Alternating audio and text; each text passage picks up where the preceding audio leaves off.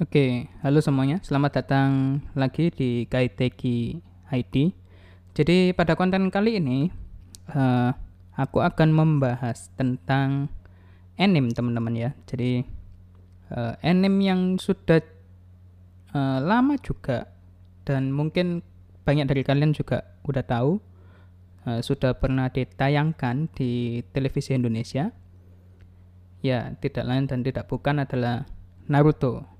Tetapi ya aku akan membahas anime ini uh, dengan sudut pandang psikologis dan pada pembahasan kali ini yang aku akan bahaskan itu adalah mengenai uh, karakter dari Naruto itu sendiri.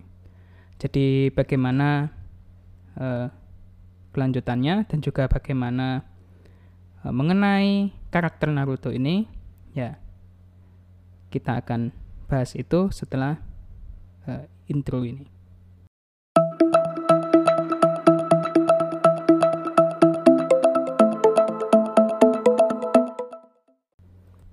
Jadi seperti yang aku sampaikan tadi bahwa kita akan membahas tentang Naruto, anime Naruto ini. Lebih uh, kepada karakter Naruto itu sendiri. Jadi kita akan melihat bagaimana karakter Naruto, lalu bagaimana perkembangan karakter Naruto-nya uh, hingga akhirnya dia bisa apa ya uh, memiliki karakter yang seperti itu.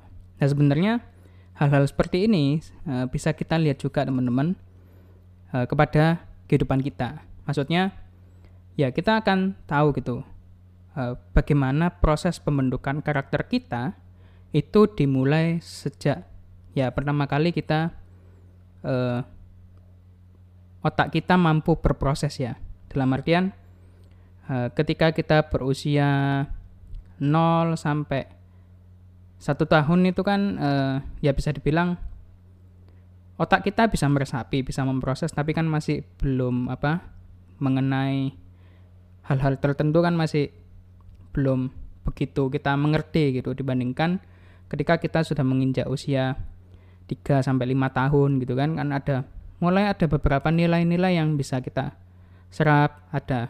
Ya contohnya kayak misalnya uh, di budaya ter, uh, tertentu.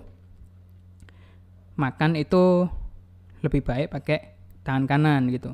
Atau misalnya kalau ngasih orang itu uh, pakai tangan kanan jangan pakai tangan kiri. Nah, hal-hal seperti itulah yang mungkin masih bisa kita tangkap ketika kita berusia 3 sampai lima tahun. Begitu seterusnya sampai akhirnya ya terbentuklah karakter kita hingga hari ini. Jadi dengan kata lain, eh, bagaimana karakter kita hari ini itu bisa tercipta, bagaimana eh, kita memiliki watak-watak itu bisa apa ya, bisa ada di dalam diri kita, yaitu adalah hasil dari apa yang terjadi di masa lalu.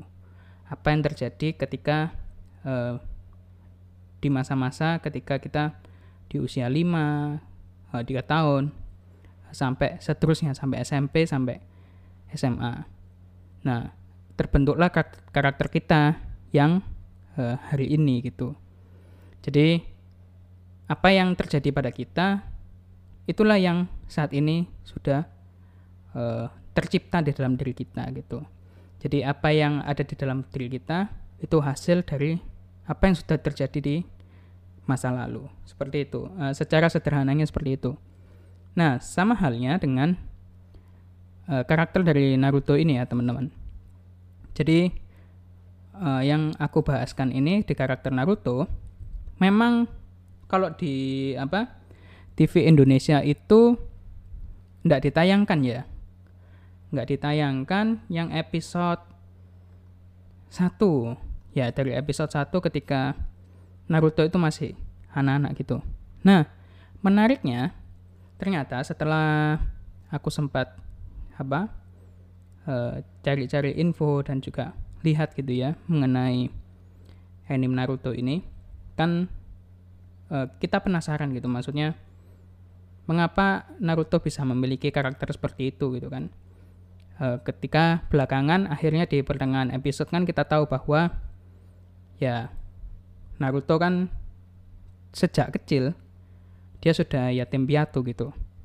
Dan ironisnya gitu ya ternyata uh, meskipun Naruto ini setelah diketahui bahwa dia adalah anak dari Hokage keempat tetapi nasibnya itu nggak semujur yang uh, ada maksudnya nggak semujur sesuai dengan titel yang uh, bapaknya miliki gitu ya.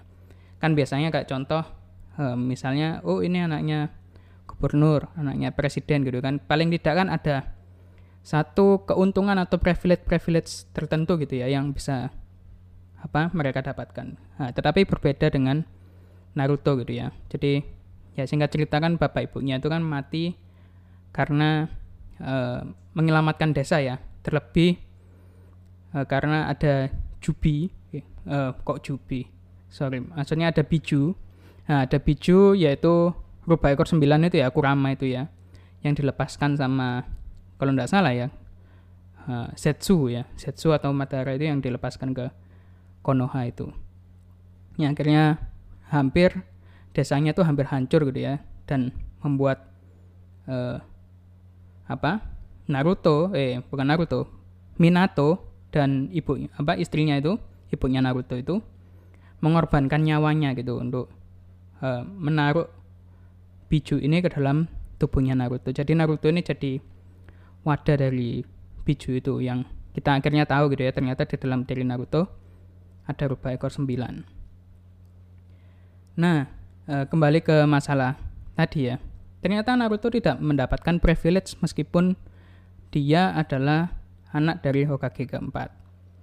Nah, ironisnya juga ternyata e, lingkungannya tidak ini ya tidak begitu bersahabat gitu ya eh, terhadap Naruto. Bahkan cenderung uh, mengucilkan gitu ya mengucilkan Naruto karena ya Naruto dianggap monster gitu. Karena di dalam tubuhnya itu ada rubah ekor sembilan.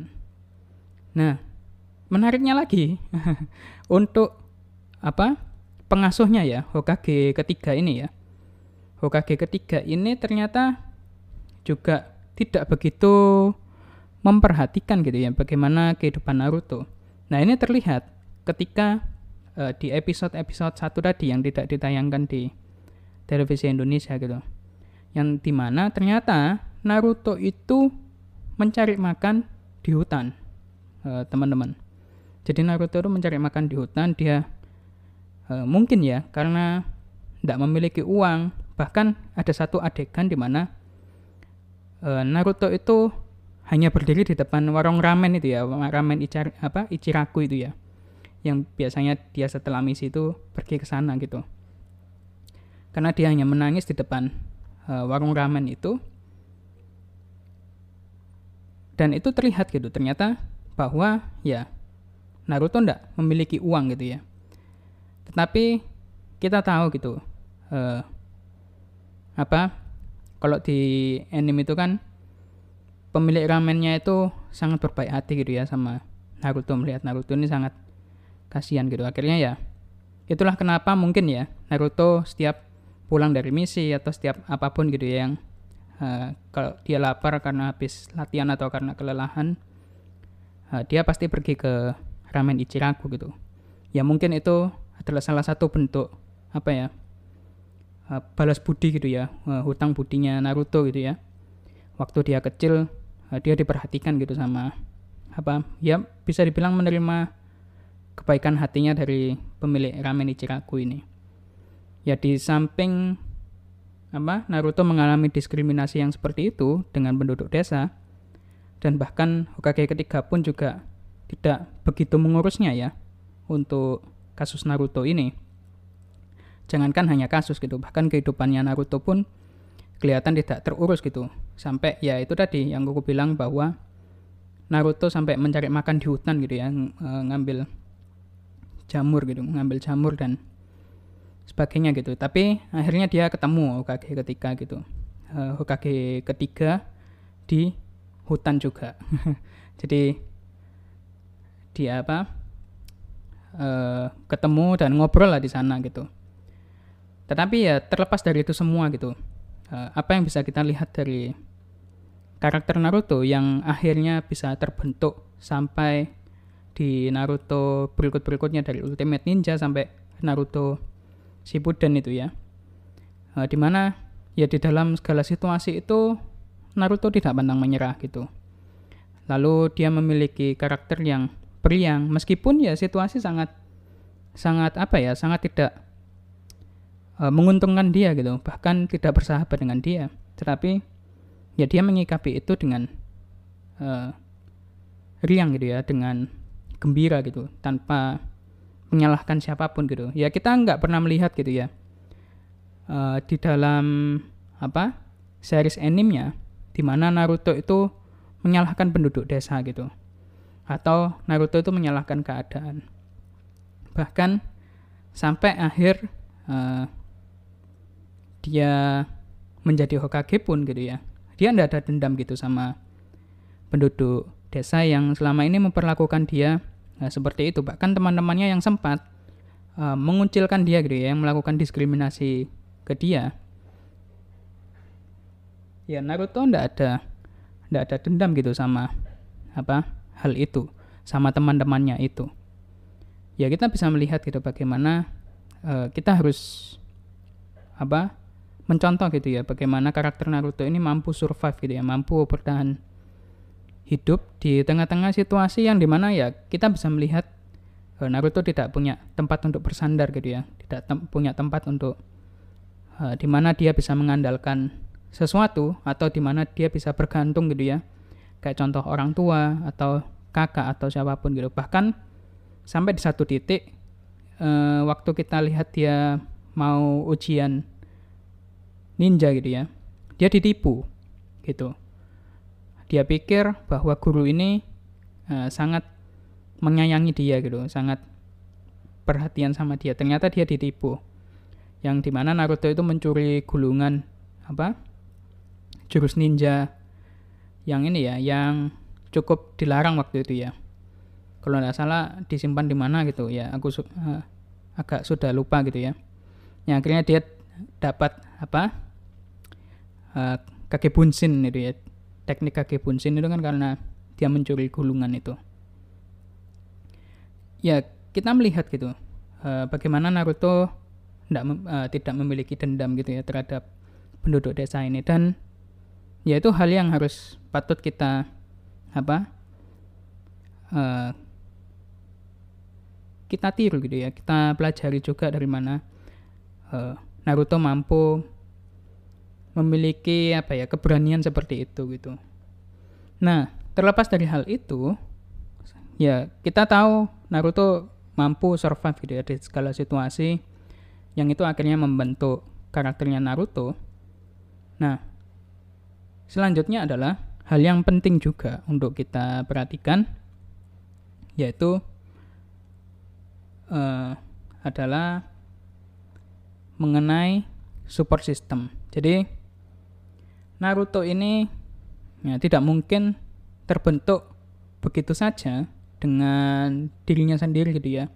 Maksudnya dia survive uh, dengan sendirinya. Ya memang uh, di beberapa episode kalau kita lihat Naruto ini memang survive gitu ya di uh, beberapa situasi dengan usahanya sendiri. Tetapi kalau kita tahu ternyata ya Naruto punya support system yang cukup bagus lah meskipun ya ndak banyak gitu yang uh, mampu mendukung Naruto gitu ya. Maksudnya yang berteman yang memiliki hubungan yang dekat gitu ya dengan Naruto itu ndak banyak gitu.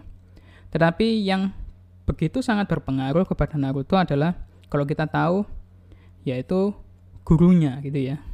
Guru yang sangat uh, perhatian gitu ya sama sama Naruto gitu. Yang di mana ya guru ini uh, kita um, bisa salut ya sama guru ini ya dia ndak melihat status atau latar belakang seseorang gitu ya. Dia hanya melihat bahwa ya ini hanya anak-anak yang di mana dia mau belajar dan perlu untuk dibimbing gitu. Ya kita tahu ya siapa gurunya yaitu guru Hiruka gitu ya. Ya kita bisa lihat lah bagaimana uh, seharusnya mungkin kita yang bekerja sebagai guru atau kita yang sebagai orang tua atau kita ada di lingkungan-lingkungan tertentu yang di mana ya uh, kayak diskriminasi atau mungkin uh, pengucilan-pengucilan gitu ya uh, sering terjadi di situ. Ya mungkin kita bisa menjadi salah satu orang yang mampu memberikan dukungan gitu. Mungkin bagi kita itu hal sepele atau hal yang tidak penting ya, uh, kelihatan uh, gak begitu memberikan dampak gitu. Tetapi ternyata setelah kita lihat eh, bagaimana guru Iruka ini memberikan dukungan gitu ya, bahkan di beberapa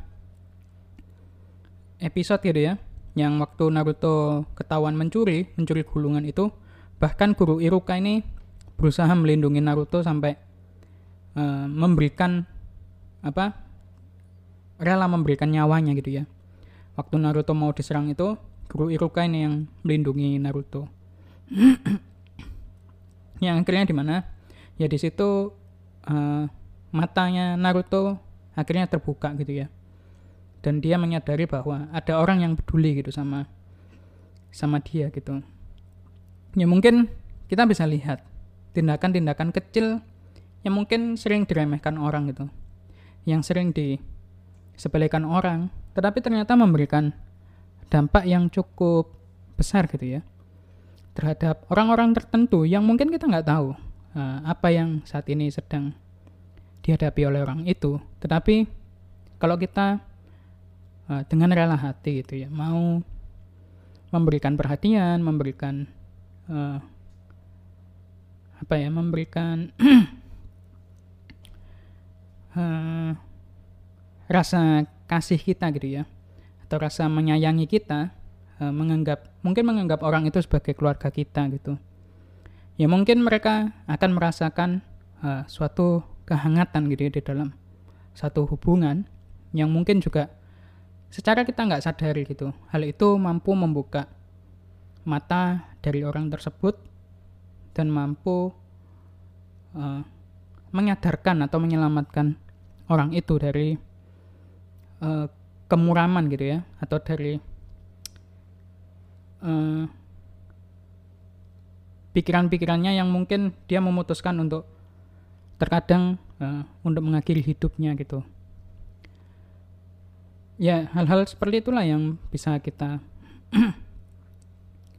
apa pelajari dari komiknya Naruto ini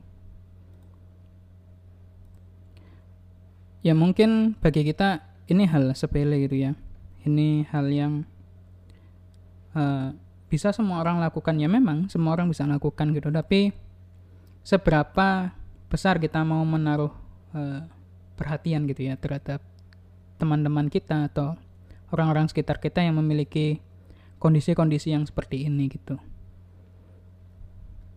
Nah mungkin ketika ada hal-hal seperti itu kita bisa menjadi uh, support system yang mampu mendukung mereka sehingga mereka mampu survive gitu ya di situasi yang mungkin saat ini mereka hadapi.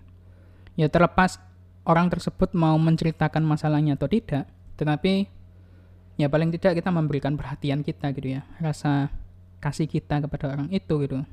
Supaya orang itu tidak merasakan kesendirian atau kemuraman gitu. Dan siapa tahu hal itu mungkin bisa memberikan suatu dampak uh, mengubah pemikirannya, mengubah uh, sudut pandangnya, dan paling tidak itu menggugah dirinya gitu untuk uh, memiliki semangat dalam menjalani hari-harinya seperti itu. Ya kita tidak perlu gitu ya, uh, ketika kita melihat hal itu akhirnya kita juga ikut-ikutan gitu untuk mengik, uh, ambil bagian dalam melakukan diskriminasi atau malah kita nggak peduli gitu terhadap hal itu. Tetapi meskipun sistem sosial kita uh, hari-hari ini gitu ya terlihat uh, seperti sistem sosial yang antipati gitu yang yang di mana ya rasa saling apa saling memedulikan itu masih cenderung rendah gitu ya ya mungkin karena banyaknya kesibukan atau mungkin uh, mulai masuknya era media sosial, era digital gitu ya. Semua Jadi bisa dilakukan dari jarak jauh tanpa kita melakukan satu interaksi yang uh, begitu dekat gitu ya terhadap uh, seseorang gitu. Atau mungkin kita ya ada banyak hal lah yang membuat akhirnya sistem sosial kita hari-hari ini tuh uh, seperti ini gitu. Tetapi apakah kita akan mengikuti arus? Atau malah uh, kita mau gitu menjadi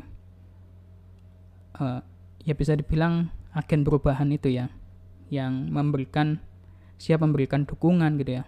Ya ketika kita ketika kita berbicara mengenai dukungan itu enggak selalu tentang finansial atau materi gitu. Tetapi mungkin dengan memberikan perhatian atau menjadi teman gitu ya untuk orang-orang seperti ini gitu.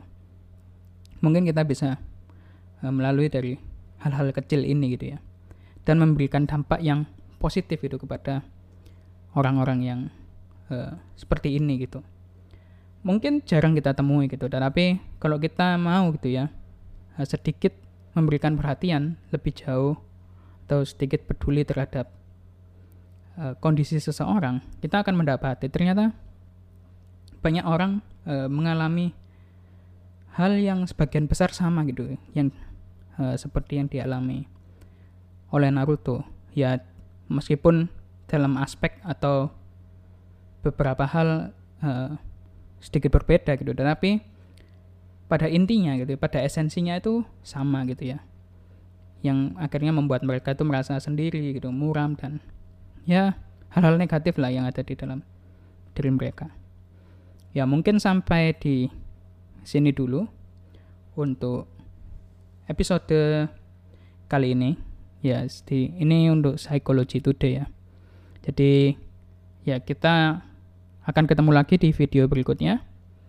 Dan apa yang akan kita bahas uh, kita lihat saja nanti di video berikutnya. Jadi uh, yang akan kita bahaskan di sini tidak selalu tentang isu-isu populer tapi jika ada hal-hal yang mungkin kalian bisa request atau mungkin kalian ada ide kalian bisa sampaikan di kolom komentar untuk kalian yang mendengarkan di YouTube. Nah, untuk kalian mungkin yang mendengarkan di uh, platform lain, nah, kalian bisa sampaikan di email atau uh, beberapa kontak kami yang yang sudah kami cantumkan. Ya mungkin sampai di sini dulu. Sampai jumpa di video berikutnya. Dadah.